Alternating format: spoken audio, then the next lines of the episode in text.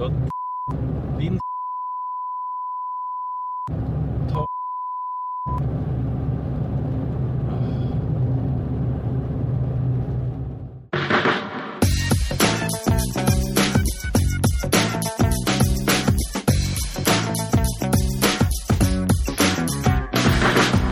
Du hører på Psykologlunsj, populærvitenskapelig lunsjprat med psykologene Tommy, Jonas og Jan Ole.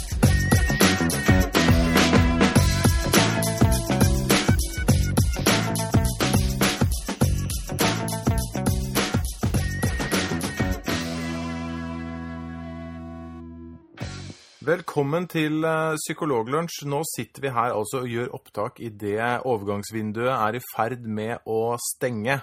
Eh, Tommy, hvordan, eh, hvordan forholder du deg til det? Altså, eh, nå er det snart slutt eh, på overganger for en god stund i Premier League.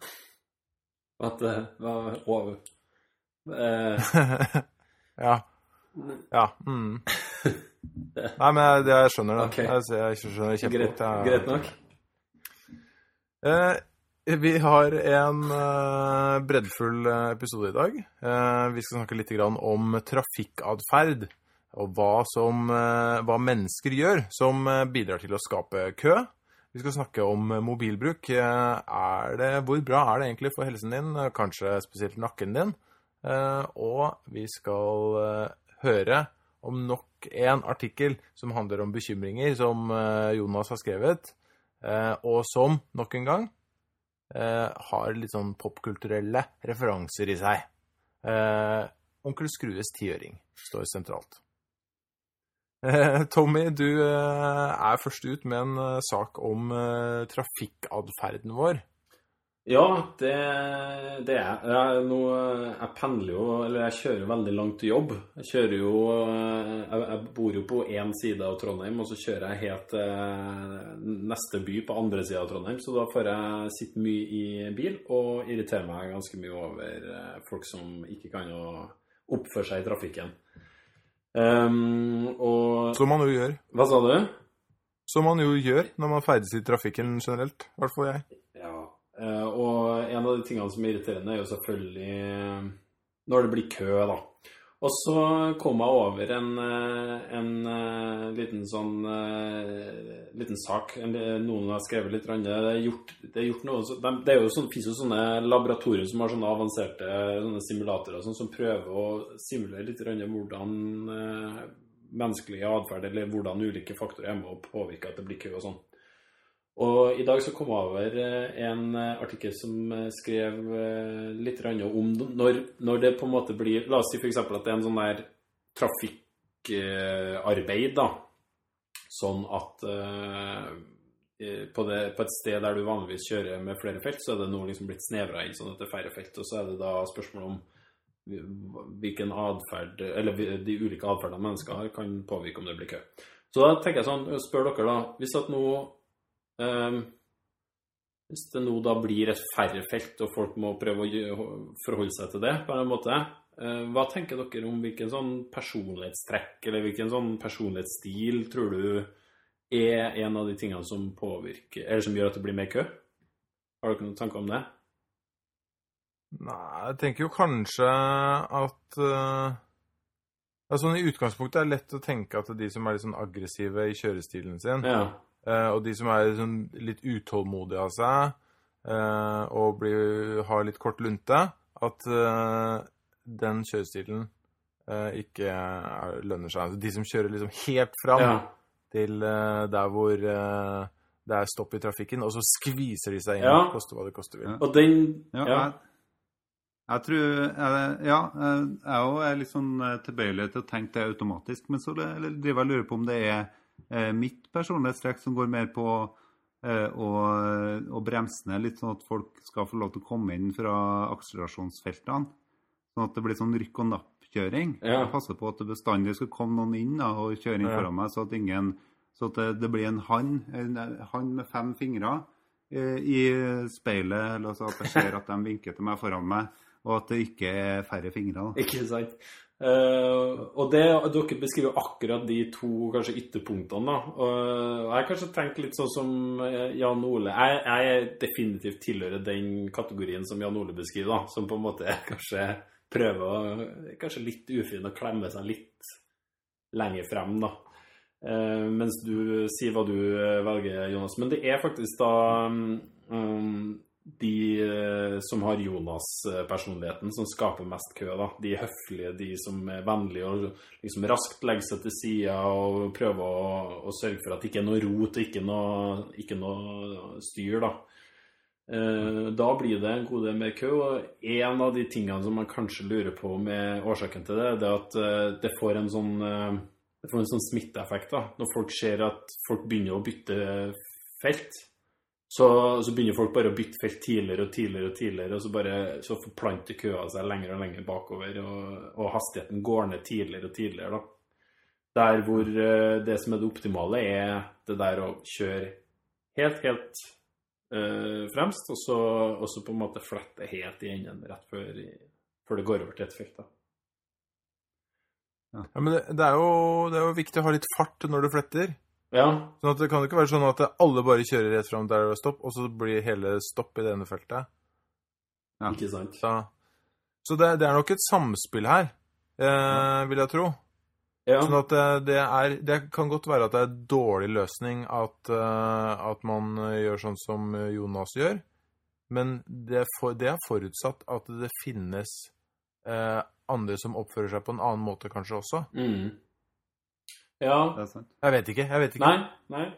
Nei. Det er det ikke. Men det Det er akkurat det her med sånn trafikkatferd og litt sånn eh, Hva skal jeg si litt sånn eh, kaos eh, Dynamikken som oppstår i eh, trafikkbildet, er en av de nerdete tingene som har fascinert meg en del. For at det, er ganske, det er ganske fascinerende hvordan på en måte små, små endringer i fart og, og, og retning kan på en måte forplante seg og lage en, en kø da, som, eh, som, var, som strekker seg veldig langt.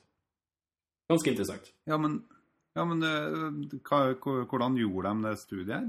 Tok de og, og personlighetstesta eh, De observerte en trafikksituasjon, og så stoppa de alle sammen og fylte ut denne testen?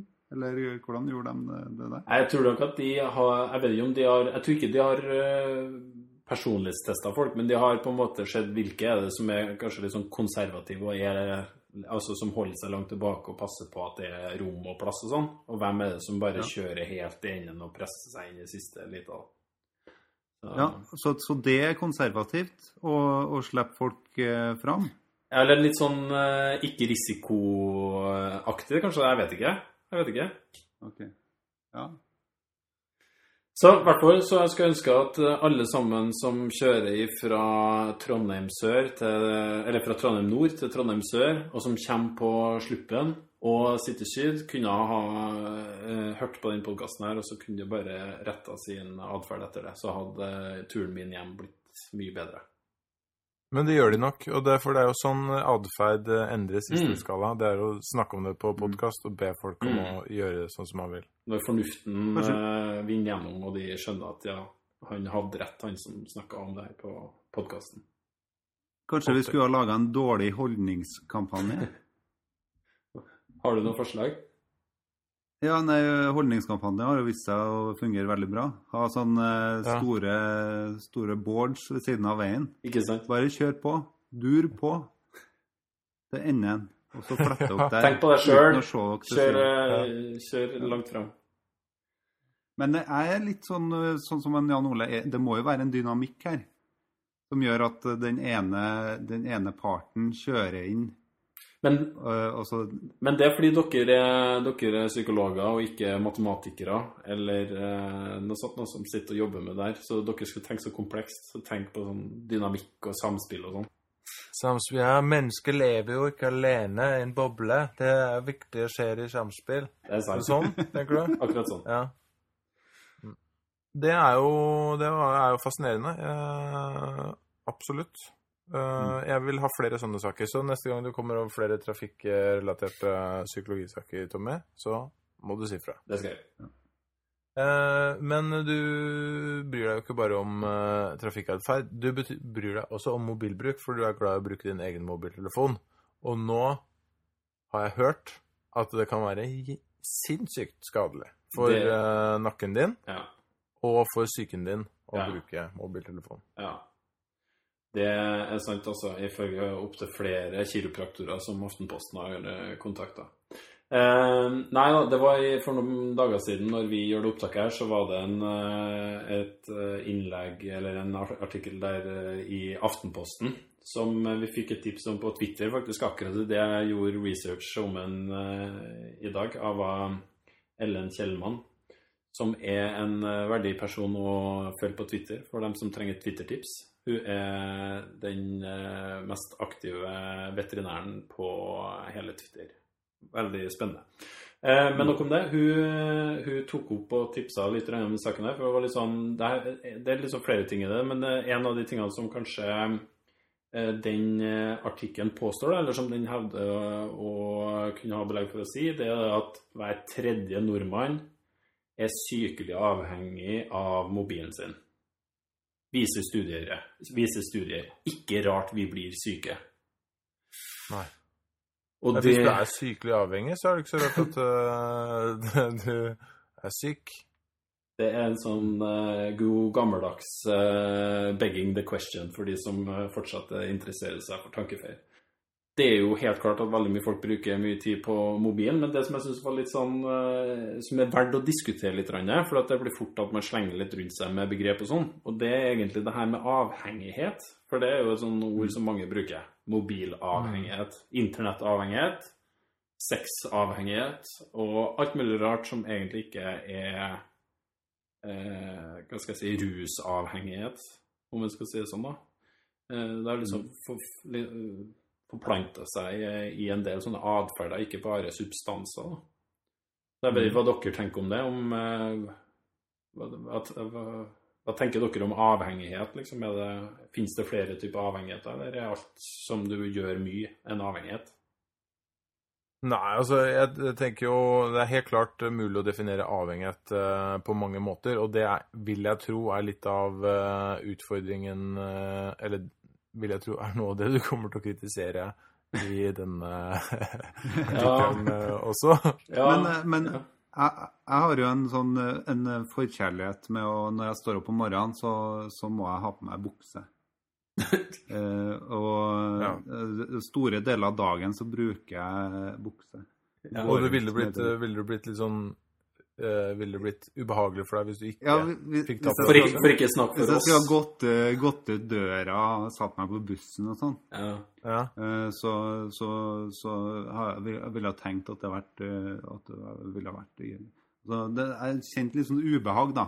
At jeg burde Ja. hatt på meg bukse når, når jeg er der. Ja. Ville du ha følt, eh, ville du følt et ubehag hvis du ikke hadde bukse på? Ville du hatt en trang for å på en måte ha på deg bukse igjen hvis at du ikke Jeg ville hatt det.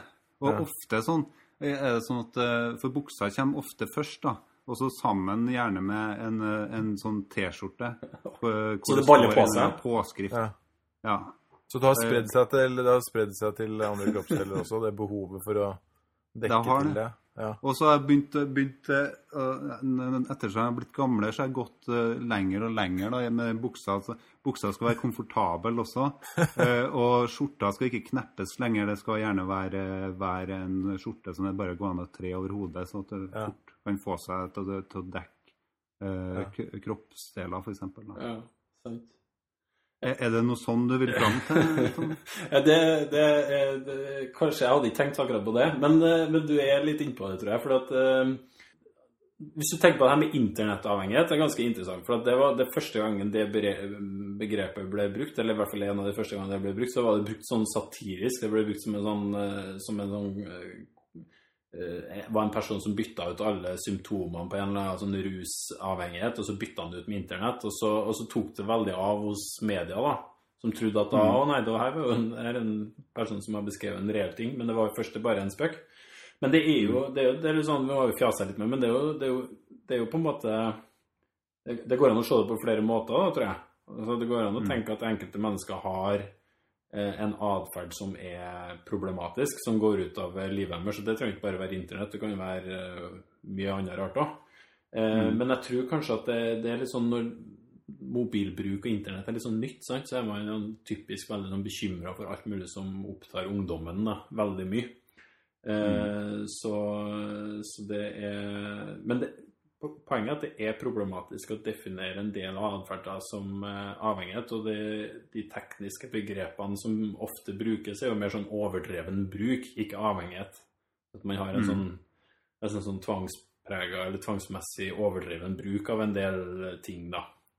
Mm. Eh, nå eh, tar jeg det her litt sånn ut fra minnet, så nå det, For det her hørte jeg på en podkast for en stund tilbake, men det var annet en person som eh, jeg tror var på Mulig var på Skeptics Guide, jeg er litt usikker på Skeptics Guide to Universe, men i hvert fall det var med det problematiske med sexavhengighet, for det er jo en sånn ting. Eh, og der var det annet gjort noen sånne, noen sånne bildestudier av hjernen som var litt interessant, hvor man ser på en måte en del sånne eh, Blant annet sånn EG-målinger og sånt, tror jeg det er med seg sånne elektroder på hjernen, så ser man at det er enkelte noen deler av hjernen som har en spesifikk aktivitetstype da, når man eh, blir for et rusmiddel eller noe sånt som man er avhengig av. Så den avhengigheten har en litt sånn signatur som også skiller seg litt ut når det er sånne atferdsmessige avheng såkalte avhengigheter. Sånn at det er flere på en måte mulige vinklinger man kan ha på å diskutere om hvorvidt en avhengighet som er knytta til en atferd, er en avhengighet eller ikke. Det det, er det det er veldig liten tvil om, er jo at mange av de eh, avistestene eh, som man får på avhengighet, er nok litt for sensitive. Eh, altså, de slår litt for fort ut i avhengighet. Eh, I mine øyne, i alle fall. Ja. Det tror jeg også. Og eh, det var Altså, hva er egentlig en avhengighet? Da er det sånn at eh, noen mener jo at eh, Sånn som i den der Aftenposten-artikkelen, da, så blir eh, avhengighet eh, beskrevet som en stabil, tvangsmessig og overdreven bruk. Å aldri forlate huset uten mobilen eller ha den på over natten betyr ikke at man er avhengig i klinisk forstand. Så det er liksom, alle, det er liksom spørsmålet hva mener man med det. Og litt av det som er grunnen til at jeg først begynte å snakke litt om det, eller kikke litt på det her i dag, før jeg fikk det Twitter-tipset, det var det at jeg kom over en artikkel som nå blir publisert, eller akkurat har blitt publisert i Journal of Behavioral Addictions, da, eh, som eh, undersøker litt da hvor mye eh, universitetsstudenter hvor mye tid de bruker på mobilen i løpet av en dag. Eh, og har dere noe sånn Hva ville dere ha gjetta på hvor mye en gjennomsnittlig antall timer i løpet av en dag en eh, universitetsstudent Eh, bruker? Hva er liksom inkludert i den bruken, da? Det er alt. Altså det er internett, Facebook, Twitter, musikklytting, altså alt. ja, så hvis du ser en film på Netflix på mobilen din, så er det Ja. en og en halv time der. ja. Jeg ville Veldig vanskelig å si. Eh, jeg ville tippa tre timer. Jonas? Ja, mellom to og tre timer, kanskje. Ja. Det var mellom åtte og ti. Oi. Så det, og kvinner bruker litt mer enn menn, da. Så, så det var egentlig litt sånn eh, Det var veldig mye, syns jeg, da. Eh, Ja. Men jeg tror det knytter litt til det der med For at Uh, Igjen, hvis du har litt i bakhodet hva en avhengighet, er det det at du liksom Å, jeg må sjekke For den kan du kjenne litt sånn sjøl. Å, jeg skulle ha sjekka telefonen og sett om det var kommet noen meldinger og sånt. Da. Det kunne, du ha, gjort- det kunne du ha gjort litt oftere, Jan Ole, for du er litt sånn treg på å svare på meldinger. Men, men det er litt sånn forskjell på det, og så er det det at man faktisk i dag Da blir det litt den bukseanalogien til Jonas. I dag så bruker du faktisk mobilen mer som et verktøy. Du bestiller kinobilletter med den, du bruker Google Maps når du skal ut og kjøre, du eh, hører på musikk i bilen, du ser på nyheter eller Netflix, eller du leser aviser på mobilen. Så du, du har, den er mer et sånt ja, et alt da, som du bruker Ja. mye annen atferd som du ikke lenger gjør på en annen måte, gjør du nå via telefon. Og det, og, men det jeg tenker, er jo en sånn eh, adaptiv bruk, da. Mm. Det er jo, det er jo litt sånn at øh, Kanskje er det sånn at øh, sånne type avhengighets... Øh, altså nye avhengighetskategorier eh, beskriver litt sånn eh, Gjenspeiler litt sånn samfunnets redsel for eh, økningen av bruken òg. Mm. Sånn at, eh, sånn at den motreaksjonen som, eh, som naturlig nok kommer da, når vi bruker såpass mye tid på, Mm. på noe som er såpass ukjent, kanskje fortsatt, Mm. eh, trenger jo en motreaksjon, egentlig. Sånn at, sånn at du ikke havner i den eh, Sånn at vi ikke havner i et samfunn hvor, vi, hvor alle sitter med mobiltelefon 24 timer i døgnet, Mm. og ikke snakker til den som sitter ved siden av seg i sofaen, f.eks. Mm. Så du får den karikerte motsatsen, på et vis. Mm. Og da er det jo betimelig å minne alle lyttere om at eh, om du vil, så kan du høre på Psykologlunsj både via psykologiappen på din smarttelefon, eh, iTunes eller i en RSS eh, på din Android-telefon. Mm. Kan Reklame du bare ringe en av oss, så skal vi snakke Ja. podkasten til deg. Og send en tweet til oss. Eh, Vi eh, retweeter gjerne, og vi liker ting dere skriver inn på Facebook-sida vår. Jevnlig. Det sjekker vi også ganske nøye. Mm. Jonas, du har eh, skrevet en artikkel om et av dine favoritttemas. Eh, som er, og da snakker jeg ikke om onkel Skrue, men om bekymringer, kanskje? Ja. Jeg, jeg har jo, det har vært en liten sånn gjenganger hos meg, da. Eh, Forrige gang så snakka jeg om eh, bekymringsbussen, eller eh, for noen episoder tilbake.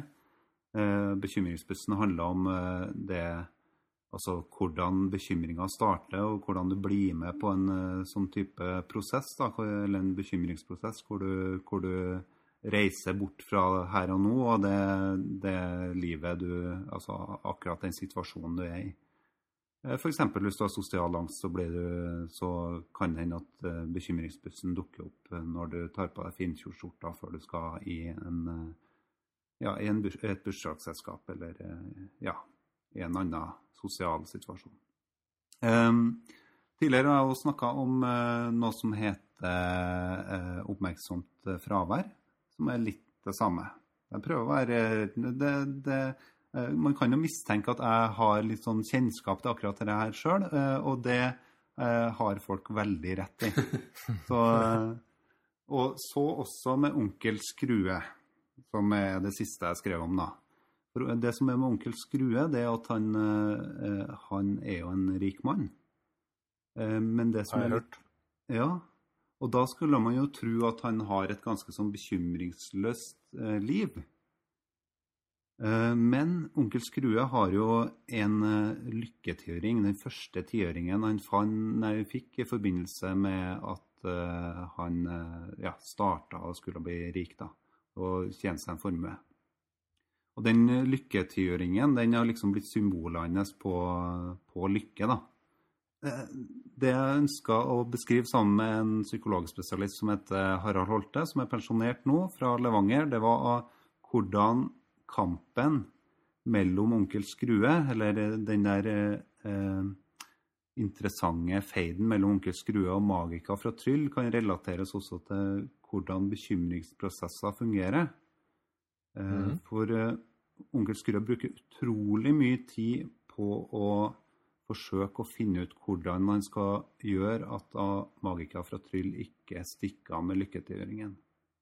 Og i en, en av, en av um, historiene om onkel Skrue og magikere fra Tryll, så er det sånn at onkel Skrue går, går rundt og rundt og rundt denne lykketiåringen sin.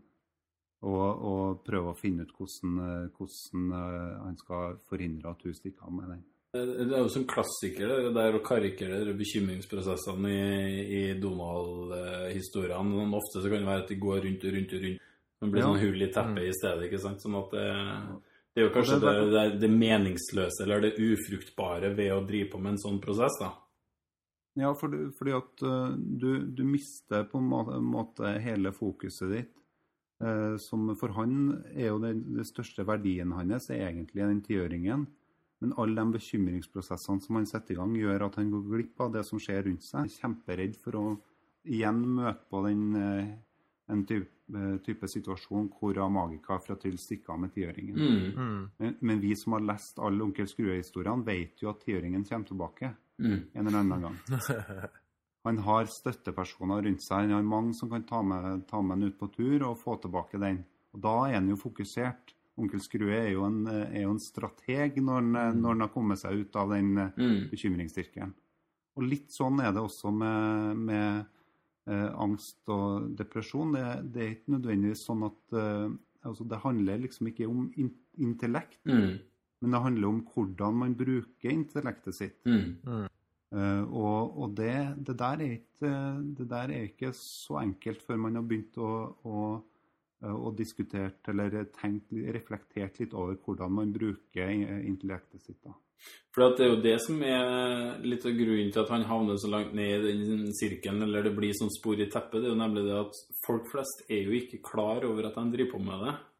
Det er det som skjer der også. Onkel Skrue er er ikke klar over at han driver på med det, eller Donald når han går hull i teppet sitt.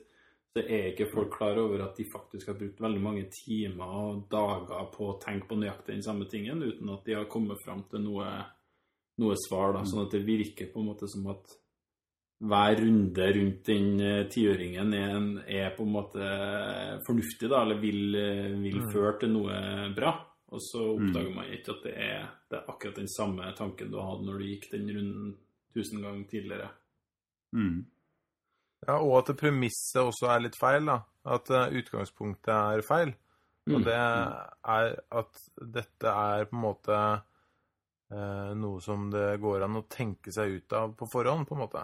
Ikke sant? Mm. Eh, enten det er bekymringen for at tiåringen skal, for, skal forsvinne, eller, eh, eller egen helse, for den saks skyld. Mm, Eh, Mm. Eh, Er det noe galt som kommer til å skje meg eller mine nærmeste?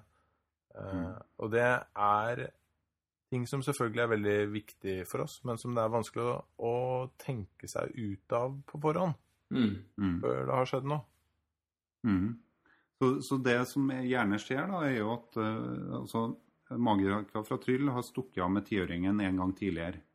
Altså, Onkel Skrø sta, starta ikke med den bekymringssirkelen før, før han opplevde at han mista tiøringen. Mm. Det var etter at han mista tiøringen at, han, eh, at han kjente den store smerten det påførte. påførte. Så fikk han den tilbake, men etterpå så bestemte han seg for at uh, dette skal aldri skje igjen. Men vi som har lest uh, Onkel Skrue, har kanskje også sett da at uh, mye av dem her, denne redselen for at det skal skje igjen, gjør at, gjør at han setter i gang mye bekymring da, og går ofte rundt og rundt den eh, tiåringen i redsel for at da magika fra Tryll skal dukke opp igjen. Og mye av livskvaliteten hans eh, forringes av det.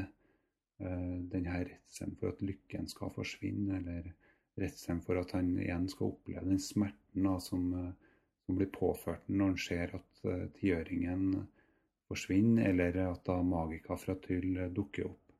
Det som er paradokset, er jo også at han setter i gang også de bekymringsprosessene etter at da Tryll har stukket av med, med tiåringen, i- da i redsel for at, eh, at eh, alt kommer til å gå tapt. Så med onkel Skrue som eh, bakgrunnsteppe, da, så ønsker vi i den artikkelen å beskrive noen øvelser for hvordan man kan eh, enklere komme seg ut av eller eh, håndtere sånne bekymringsprosesser, kanskje ikke eh, sette dem i gang.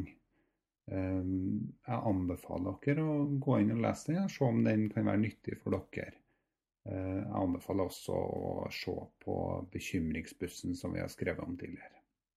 To veldig fine artikler av Jonas der, som er eh, anbefalt for absolutt eh, alle, enten de er fagfolk eller folk som bekymrer seg innimellom, som jo alle gjør. Da tenker jeg at vi skal runde av. Jeg har bare lyst til å nevne en liten ting eh, først, og det er at eh, sesong nummer to av Folkeopplysningen, eh, med fysiker Andreas Wahl som programleder og meg som dukker opp inni der, begynner på søndag, som er altså dagen etter at denne episoden legges ut. Kvart på ni på NRK1. eh, etter Villmarksliv, tror jeg det heter, det programmet som går rett før. Det gleder vi oss til. Ja, vi gleder oss. Da ses vi igjen om to uker. Nei.